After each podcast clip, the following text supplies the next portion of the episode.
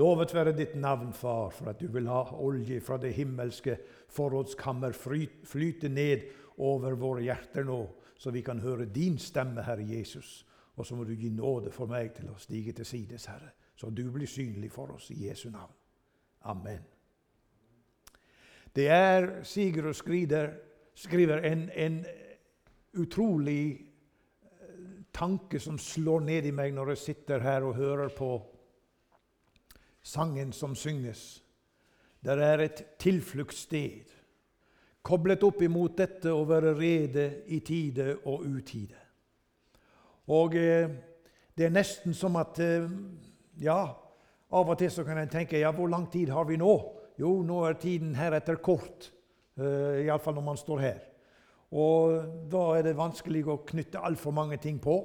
Men uh, i, i nåde så skal vi få lov å minne om dette her.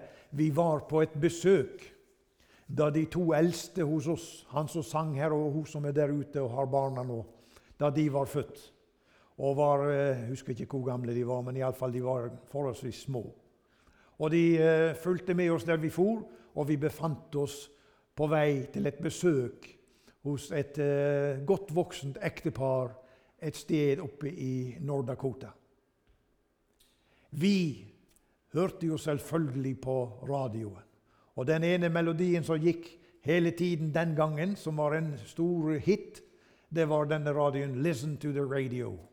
Og det var der hvor forkynnelsen var på en kristen stasjon. Lytt til radio og få med deg budskapet om, om, Jesus. Og den hørte vi på om igjen og om igjen. Det var en fengende melodi og en flott tekst. Og vi kom frem og parkerte i gata sånn som vi skulle, og gikk inn og satt og, og preikte der. Vi hadde aldri vært der før. Vi møtte disse her, Sylvia og Leslie. Og etter ei lita stund så sier han at eh, vi skal gå til bords. Og vi skal gå ned i, i, i underetasjen, for der hadde de dekka på til, til, til oss og til seg sjøl. Og vi skulle være der og glede oss. Og eh, dette gjorde vi. Og vi visste ikke at på nyhetene hadde det vært massevis av varsler. Vi var opptatt med å høre på musikken og sangen, og vi hadde ikke fått med oss disse stadige innbruddene i sendingene om at det er en tornado på vei. Vi visste ikke det. Men det var en som var rede. Han som eide huset der, eller dette ekteparet, de kjente til dette her, at fra tid til annen så kom dette fykende. Og da måtte en være rede i tide og i utide. Og jeg vil absolutt si det var utide. Der kommer vi fredelige langveis ifra. Hadde reist 5000 miles for å besøke disse her. Og så skulle vi oppleve et sånt uvær som eh, man ikke kunne forestille seg noen ting av. Og uværet kom, men vi, vi satt trygt i underetasjen. Og vi kunne fortalt massevis av det som skjedde, masse store skader som opplevdes av disse her voldsomme vindene som kom. Men vi var trygge fordi det var en som var rede. Han var rede til å ta imot oss. Han hadde lyttet på varselet, og han hadde tatt konsekvensene av hva som var meldt. Og vi var trygge midt i stormværet. Under tiden som vandrende på livets landevei, så er vi jo eh, Ja, til tider møter vi utfordringer, og vi er ikke forberedt. Det er i hvert fall noe som du lærer veldig fort hvis du hadde beveget deg der hvor jeg har til tider vært med. Og eh, i ungdomstiden, som sagt, jeg har sagt det før, så var jeg innom eh, flere ganger i bokseringen. Og der nytter det ikke å være uforberedt. Eller å tenke at eh, jeg går bort i hjørnet og stiller meg bort der, eller bort i andre enden på, på denne her firkantede ringen, som det heter, og prøve å, å, å, å få et uh, brukbart resultat av det. Nei, du måtte virkelig være rede i tide og i utide.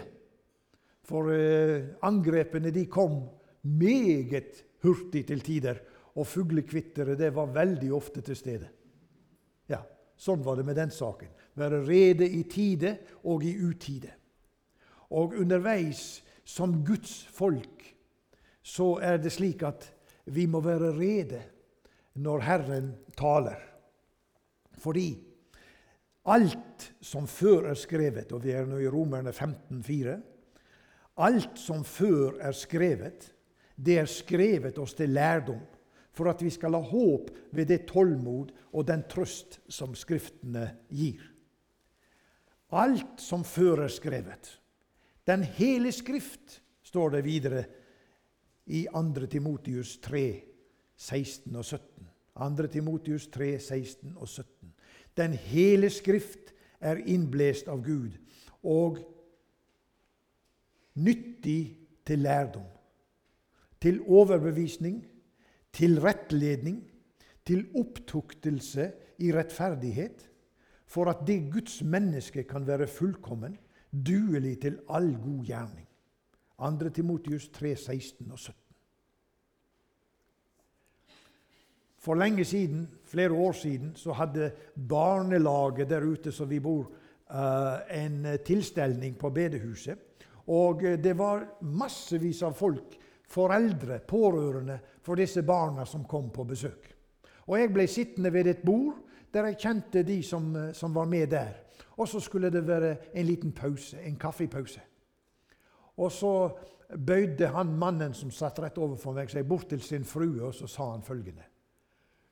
Hvem er det som har laget de kakene? Og så hvisket fruen tilbake igjen. Det er Solfri. Da røyste han seg med fatet sitt, og så gikk han bort og så tok han seg noen digre stykker.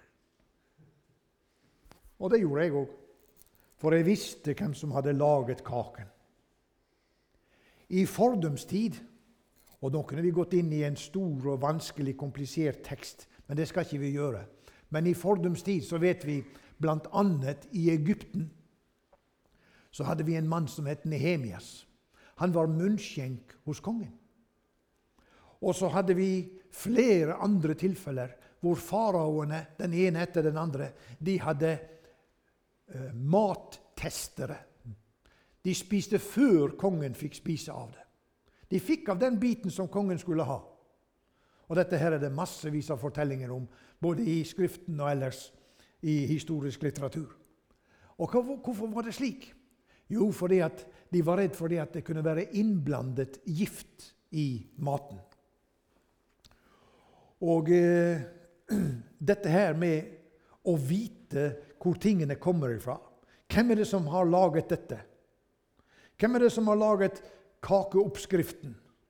Jo, nå kan jeg jo være ærlig og si det at hvis noen kommer til meg etter møtet og sier at du må lage en kakeoppskrift over en sitronkake som er veldig god, så må jeg bare advare dere og si med en gang at hvis jeg skulle falle for fristelsen til å lage en oppskrift, så måtte dere aldri finne på å spise det.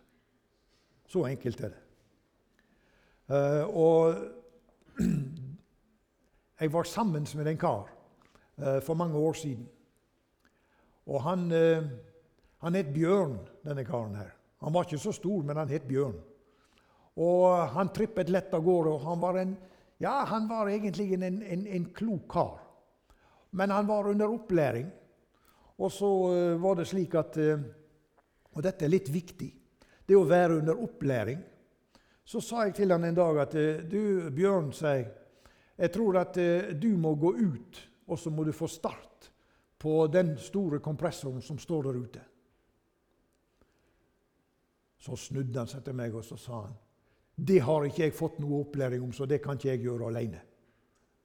Nei, sa men det er veldig bra at du sier så, sier For det var ikke noe småtteri som skulle startes opp. Det var Bare startmotoren var på 1600 hester. Det hadde vært noe å ha i gravemaskinen sin. Ja, 1600 hester. Det var en prosedyre for å få start på den i seg sjøl. Og når den var klar og klar til å gjøre innslag i selve hovedmaskineriet som skulle startes opp, så var det noen og 50 000 hestekrefter som skulle settes i sving. Et gigantisk monster. Den eh, enheten, den turbinen var omtrent så stor som dette rommet som vi er samlet inn i her nå. Og det var en nøyaktig beskrevet prosedyre om hvordan tingene måtte gjøres. Ellers så fikk du ikke dette til å fungere. Dette måtte være nøyaktig i henhold til prosedyren. Og Bjørn lærte dette. Vi gikk noen runder sammen, og så fikk han prøve med eh, sin læremester litt på avstand. Og Sånn hadde det vært for meg. Jeg hadde hatt en kar som sto og backet meg opp når jeg lærte dette her. Og så måtte jeg lære det videre til neste, slik at vi var flere som kunne dette her. Og sånn var det vi gjorde det den gangen. Og slik er det at Bibelen forteller oss at det er en prosedyre. Fordi at det var ikke likegyldig hvor han begynte i prosedyren. Han måtte begynne med begynnelsen. Akkurat slik som den som skal lage sitronkake, må begynne på toppen av lista og jobbe seg nedover og følge nøyaktig hva som står. For faktorenes rekkefølge er ikke likegyldig når du lager bakverk. Ei heller når du skal starte opp en sånn stor maskin. Så er det mange ting her som vi vet en må gå igjennom steg for steg. Og det er litt viktig for oss å tenke på når vi leser Bibelen. Fordi at det er jo noen som leser Bibelen ja, Man hopper midt inn i en tekst eller midt inn i Bibelen, og man lever kanskje en slags mannakorntilværelse. Det var jo en fortelling om han som uh, levde slik på, på mannakorn. Og vi har en sånn boks hjemme vi fikk i julegave av et herlig ektepar for mange år siden. En flott liten sånn treboks med lokk på. og Oppi der ligger det massevis av mannakorn. Dvs. Si bibelvers på sånne små lapper. Og det har hendt at jeg har sagt til Gud nå må du tale, Gud, for nå står jeg her med ryggen mot veggen. Og så har jeg tatt opp en sånn lappe, og så har det vist seg at Herren har talt. Men jeg kan ikke basere daglige, min, min daglige omgang med Herrens ord på den måten. Det ønsker ikke Gud heller. Og han som levde slik, han tok opp et sånt kort han levde der i den boksen hver eneste dag. Han, han hadde ikke noe studier og, og, satt og dvelte ved Guds ord og hadde sine bønnestunder. Så han stod, tok opp et kort, og der sto det Og Judas eh, gikk bort og hengte seg. Nei, tenkte han, det var ikke mye trøst i å finne i det ordet der. Så tok han og trekte et ord til, og der sto det 'Gå du bort og gjør likeså'. Og da, ja, da er det klart at eh, han ble jo fortvilet, mannen. Dette er jo en, en, fortelling som minner oss litt om at det er en del som er på troens vei, som ikke har noe annen eh, skal vi si, opplæring enn at du kan bare slå opp i Guds ord og peke på et vers og tro at det er det som jeg skal med meg i dag, inn i denne dagen. Men det er en farlig måte å leve på. Og Derfor så vil jeg at vi skal gå inn nå i den teksten som, eh, som Herren har minnet oss om i dag. Og denne, denne, denne, denne fortellingen her, den er, beskriver en person som ikke innretter seg på det som Gud har sagt. Og eh, Der kan man lese om dette på tre forskjellige steder i Skriften. Vi er i 2. kongebok 24, vi er i Jeremias 37, og vi er i 2. krøniker 36. Og for du som leser Skriften, så vet du det at nå er vi inne i fortellingen om Sedekias. Kong Sedekias. Det er i utgangspunktet en forferdelig trist beskrivelse om denne kongen som ble innsatt av Nebukaneser. Og Bibelen forteller en trist beskrivelse av hans liv og hans ferd. Og dette har Gud en tanke med. Gud har en tanke om at denne fortellingen skal vekke hans eget folk i dag. For det står i 2. Eh, krøniker 36, så står det i vers 12 og 13 2. krøniker 36, 12 og 13. Dette er fantastisk å høre at det blafrer i Bibelen. Det er noe som vi må ha mer av. Og der i de versene så står det Sedekias gjorde det som var ondt i Herrens, hans Guds øyne. Han ydmyket seg ikke for profeten Jeremia, han som talte ord fra Herrens munn. Han gjorde også opprør mot kong Nebukaneser, som hadde tatt han i ed ved Gud. Han var hårnakket og forherdet i sitt hjerte, så han ikke omvendte seg til Herren Israels Gud.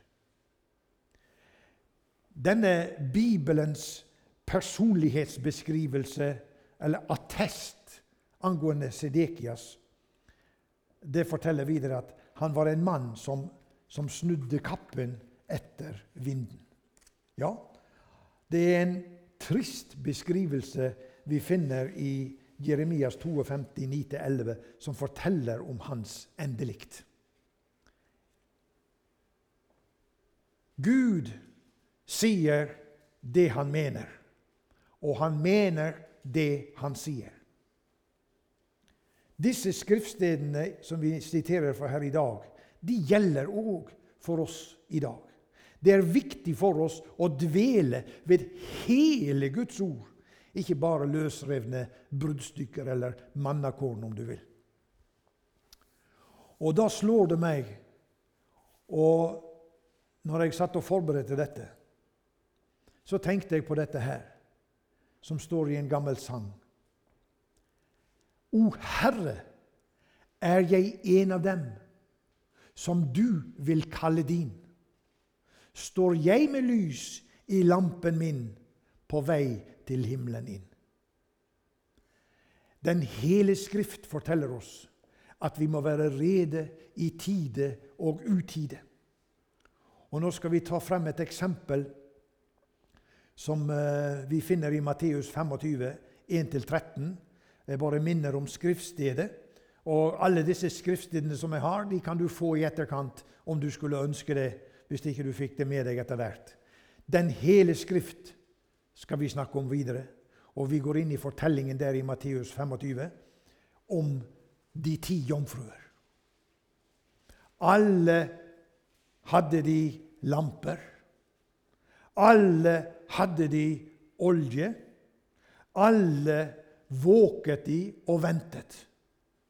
Men samtidig så står det at alle sammen sovnet mens de venter. Det står det i Matteus 25, vers 5. Alle sovnet. Jesus hadde sagt til sine disipler, 'Våg og be'. Men de la seg til å sove. De gjorde det. Enda til da han lå på kne i Getsemane og ropte om hjelp ifra himmelen for den enkelte. Så står det at disiplenes øyne var tunge av søvn. Og Dette kan iallfall noen av oss fortelle litt om, hvis det skulle bli aktuelt. Og hvordan det er når du er så søvnig at du vet ikke om du står på beina lenger. Når du har jobbet 24 timer i strekk, eller kanskje enda lengre, uten å ha vært på pute, uten å ha fått hvile, uten å ha fått den nødvendige skal vi si, gjenoppfriskningen av kreftene, så er det forferdelig tungt å, eh, å eh, gjøre noe som helst. Disse som uh, sovnet, de hadde kanskje Og jeg så for meg, når jeg satt og så på denne teksten, at ja, de hadde satt lampen sin brennende der på, ved siden av sengen. Og der hadde de passelig flamme på denne lampen.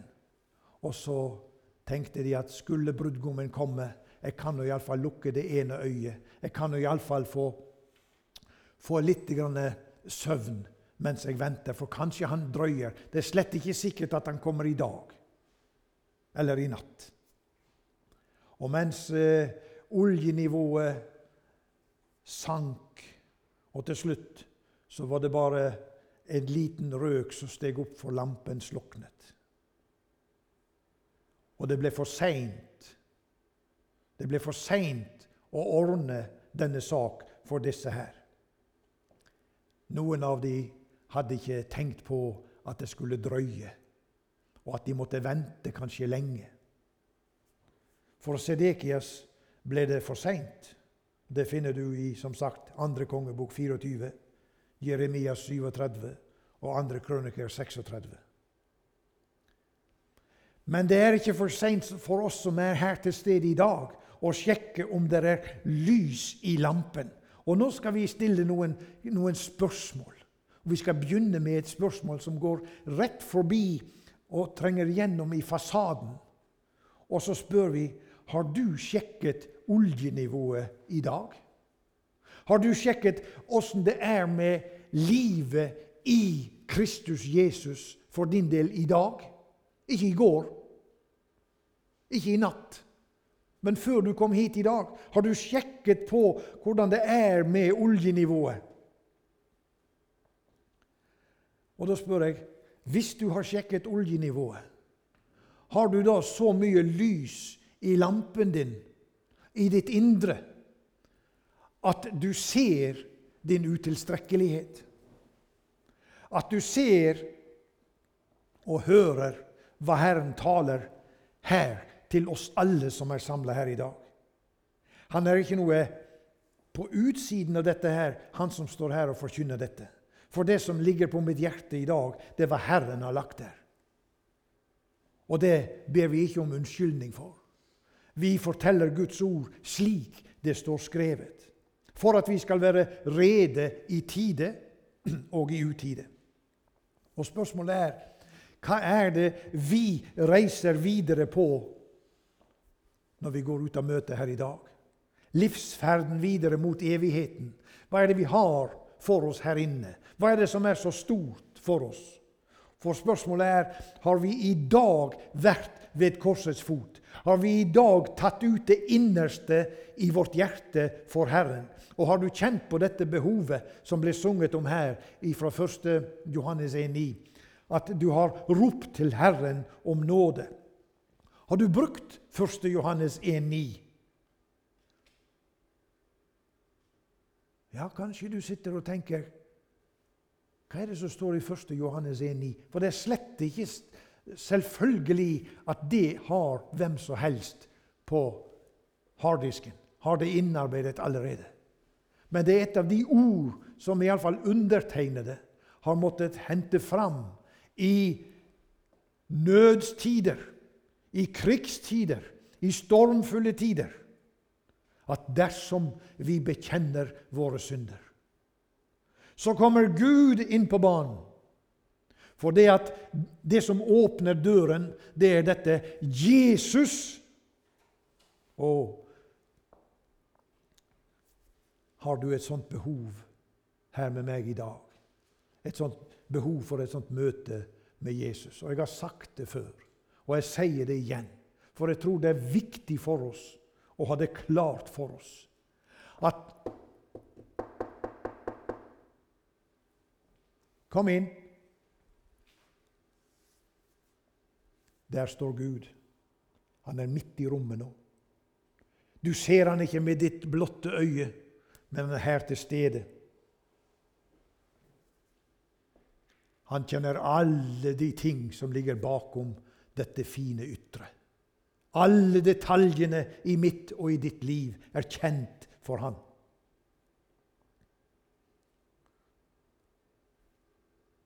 Noen vil kanskje si dette er for basic til å brukes i en satt sammenheng som den vi så lykkelig har i vår midte her i arken. Mennesker som kjenner Guds ord, som har hørt utleggelsen av Guds ord, som har innrettet sitt liv på Guds ord. Men fremdeles opplever vi også her i arken og mange andre steder at du hører dette 'Jeg vil gjerne komme videre'. Jeg vil gjerne komme djupere inn i Skriftens sannheter. Og da spør jeg hva du da lytter etter? Hvilken forkynnelse er det da som finnes der ute? Blant annet, mine venner, så brukes det en forkynnelse og en retorikk som går på å bygge seg en pyramide, eller om du vil, en maktfaktor. Guds ord løsrevet ifra hverandre. Så kommer man og forteller at eh, alt er vel og bra. Alt er i orden. Men livets mange beskaffelige tilstander kommer oss i møte. Akkurat som uværet kom oss i møte der på prærien i Nord-Dakota, eller andre steder hvor vi er når vi er på sjøen og skal kanskje fiske, eller vi skal ut og hente fiskeutstyr som du satte dagen før for å ta det inn igjen, så er det slett ikke sikkert at du kommer på plass fordi det kom et uvær. Og et uvær kan treffe deg i livet på så mange måter. Sitt bare stille. Sitt bare stille. Det er ikke nødvendig å være på menigheten hver eneste dag. Du kan ha det godt med Gud, og du kan sitte der i ditt hjem i din lune vrå, og så kan du lytte på TV-en eller på radioen eller lese din andagsbok. Men Gud har lagt spesielle detaljer inn over samlingen av mennesker. For det at du kommer til et møte, så avslører du at det er noe her inne. Det er et inderlig ønske, en inderlig bønn om at detaljer i Skriften i dette møtet skal bli deg til del, slik at du får hjelp på den vandringen som er ifra nå av og fremover mot hvor Gud setter et punktum og avslutter det hele. Og det er nettopp dette her at Gud vil dele ut olje til den som vil ha lys i, i Guds ord. Og spørsmålet er jo vil vi det? Er det en lengt der inne? Og har vi en glødende inderlighet og lengt etter å få del i det som Herren har gitt? Eller skal vi liksom fortsette med sånn Nå må ikke du overdrive. Nå må ikke du bli litt for heftig her. Vi ønsker å ha det sånn passe engasjert. Det passer oss fint. Da slipper vi å, å, å miste maska, blant annet. Ja, jeg vil ha lyst til å si noen ting til sist her. Fødselsveene for nådens tidshusholdning er allerede i gang.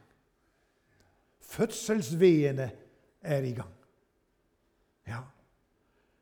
Jeg våknet jeg vet ikke hva klokka var, hun var vel i 4.50 på morgenen. Det er mange år siden nå. Og da ble jeg vekket av nå må du våkne, for vi må kjøre. Vi må reise til sykehuset. For fødselsveiene hadde begynt. Og du kan tro det var vanskelig å våkne. Du kan tro at jeg tenkte å nei, jeg vil legge meg ned igjen fem minutter til. Jeg har aldri fått klærne på meg så fort. Og aldri kommet meg ut og gjort meg klar til å komme meg av gårde. Som akkurat der, fordi at jeg visste hva som var på gang. Jeg skjønte det med en gang. Men det kan se ut som at folk, Guds folk i dag har glemt at det som står om, om i Matteus 24 Jesus sa Folk skal reise seg mot folk, og rike mot rike. Det skal være hunger og jordskjelv både her og der. Men alt dette er begynnelsen til veene. Begynnelsen på slutten før bruden, den frelste synder, hentes hjem. Den synder som har vært hos Jesus for å få olje på lampen, for å få lys i sitt indre, slik at en ser hva som står her, og kan skue hen mot fikentreet og bl.a. se det skyter knopper. Og Derfor så er det, kjære venner, en anbefaling å lese videre i Matteus 24 når du kommer for deg sjøl. For som dagene går, så blir det trangere og trangere for den som har valgt et inderlig og levende forhold til Jesus. Jeg kan ikke her med hånden på hjertet stå og si at det skal bli lettere som tiden går. Nei, du kan bare lese Du kan bare lese i plattformsordene som er utstedt av den nye regjering i vårt land, så skal du få se at det blir gjort trangere og trangere for de som vil leve i sannhet etter Skriftens ord. Det haster. Det haster. Mens det ennå er i dag, så vil vi som er her, vi vil arbeide med å så Guds evangelium ut til en døende verden. Vi vil minne hverandre om at vi må ha lampen i orden. Vi må, vi må vi må pusse soten av. Vi må få riktig olje. Vi må ha det som trenges for en fattig synder, en fallen synder, som ikke har gjort noe annet enn å såret Herren i tanker, ord og gjerninger dagen lang og natten med. Det haster. I 1735 så var det en mann som heter Brorson, en salmedikter. Han skrev Ennå er hjelp å få for angerfulle hjerter. Ennå er Gud å nå og legedom for smerter. Enn hører du Hans ord og ser Hans hjertelag. Ennu er nåden stor, ennu heter det i dag. Det skrev han for så mange år siden. Og Guds ord det er veldig viktig å ta med inn i den daglige lesning og lese i sammenheng. Og ha en inderlig bønn i ditt indre om at Herre, du må vise meg ved Den hellige ånd, som kom nettopp for den del at vi skulle få innsikt i det som står skrevet, slik at vi kan fordype oss. Og i den anledning, når du leser om dette, at eh, Herren ønsker at vi skal memorere Hans ord, vi skal dvele ved det, og vi skal ha det i vår tanke og vår sinn. Og da er du inne i det som vi kan kalle for en begynnende fordypning.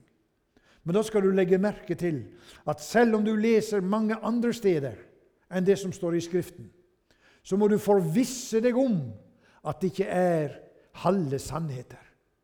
Fordi, Som et eksempel Jeg kom over et, et, en såkalt fordypningsstudie i profeten Sakarias. For det har, vi, det har vi festet vårt blikk på i tiden nå. Profeten Sakarias. Og der tenkte jeg hm, det var interessant å se hva denne fordypningen går ut på. Som står og leser. Det ligger på nettet.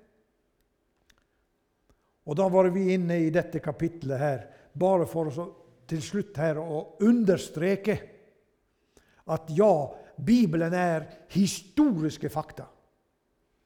Og det er spesielt kapittel 1, vers 16 og 17 i Sakarias som jeg tenker på når jeg tar dette. da. For der står det at Gud vil strekke ut sin målesnor over Jerusalem etter at Folket var kommet tilbake igjen fra fangenskapet i Babel. Nå er vi inne i ca. 500 år før Jesus. Sakarias var der i den tiden. Daniel var der i den tiden. Og eh, vi husker fortellingen eh, om eh, Shadrach, Meshach og Abednego. Det var i den tiden, dette her, med, eh, med de som ble kastet i ildovnen. Men så står det at når folket kom tilbake igjen, så står det at Gud ville igjen strekke sin målesnor utover Jerusalem. Og ennå en gang skal mine byer flyte over det som godt er. Dette er historiske fakta, for dette skjedde. Dette kan du legge på en, en tidslinje i tiden, og så kan du si da skjedde dette. Og der stoppet den, fordypnings, uh, den fordypningssaken som jeg var inne og leste om. Det stoppet der. Det konstaterte at ja, det står i Bibelen der og der, og slik er det. Men så tenkte jeg, gode Gud, de har ikke tatt med de har ikke tatt med den evangeliske undertone som ligger og flyter nett under overflaten her. Men den er tildekket av dette absolutte, at dette er det som står der. Enda en gang skal mine byer flyte over det som godt er. Og Herren skal enda en gang trøste Sion, og enda en gang utvelge Jerusalem. Ja, det peker hen imot det som kom. Han utvalgte seg en ett. Hvordan gjorde han det? Det var da han spikret sin egen sønn på Golgata kors. Da utvalgte han seg en, ett i sin sønns dyrebare himmelske blod. Og det må vi ha med. Så du skal ikke bare stanse ved at du leser det her, men du skal dvele ved det. Og så skal du begynne å banke på. Og så skal du begynne å leite. Og hva står det da? Da skal du finne. Slik virker det i Guds ord. Og da, kjære venn, mens du holder på med dette, så vil du finne det nødvendig å fylle olje på lampen, for du må ha lys til å se det. Da kommer disse tingene i sine rette rekkefølger. Og da får du et innsikt, da får du en innsikt i Guds ord som gjør at ordet blir levende, og det stiger fram for deg. Du får noe å gå på, og du får noe å gå med. Slik at når du møter utfordringene som, som, som du finner det i, i eh, Ja, nå, nå, eh, ligger det hos eh, Det heter Forkynneren i dag. Ja, Predikeren heter det i fordomstid. Der sier han Vær rede og så Guds ord med rund hånd. For i sin tid skal du finne det igjen. Dette å være rede, da må du ha noe å gå med. Hvis du skal dele noe, så må du jo ha noe å dele. ikke sant? Det nytter ikke å tro at du har noe hvis ikke du har det. Da innbiller du jo sjøl noe som er helt på siden av sannheten. Men du må ha noe fra Guds ord. Og passe på at det er såkorn som du har lett tilgjengelig i møte med den døende verden, for at vi derigjennom kan være med og rope ut et budskap til verden at enda er det hjelp å få for angerfulle hjerter. Enda er Gud å nå og legedom for smerter. Enn hører du Hans ord og ser Hans hjertelag. Ennu er nåden stor. Ennu heter det i dag. Amen.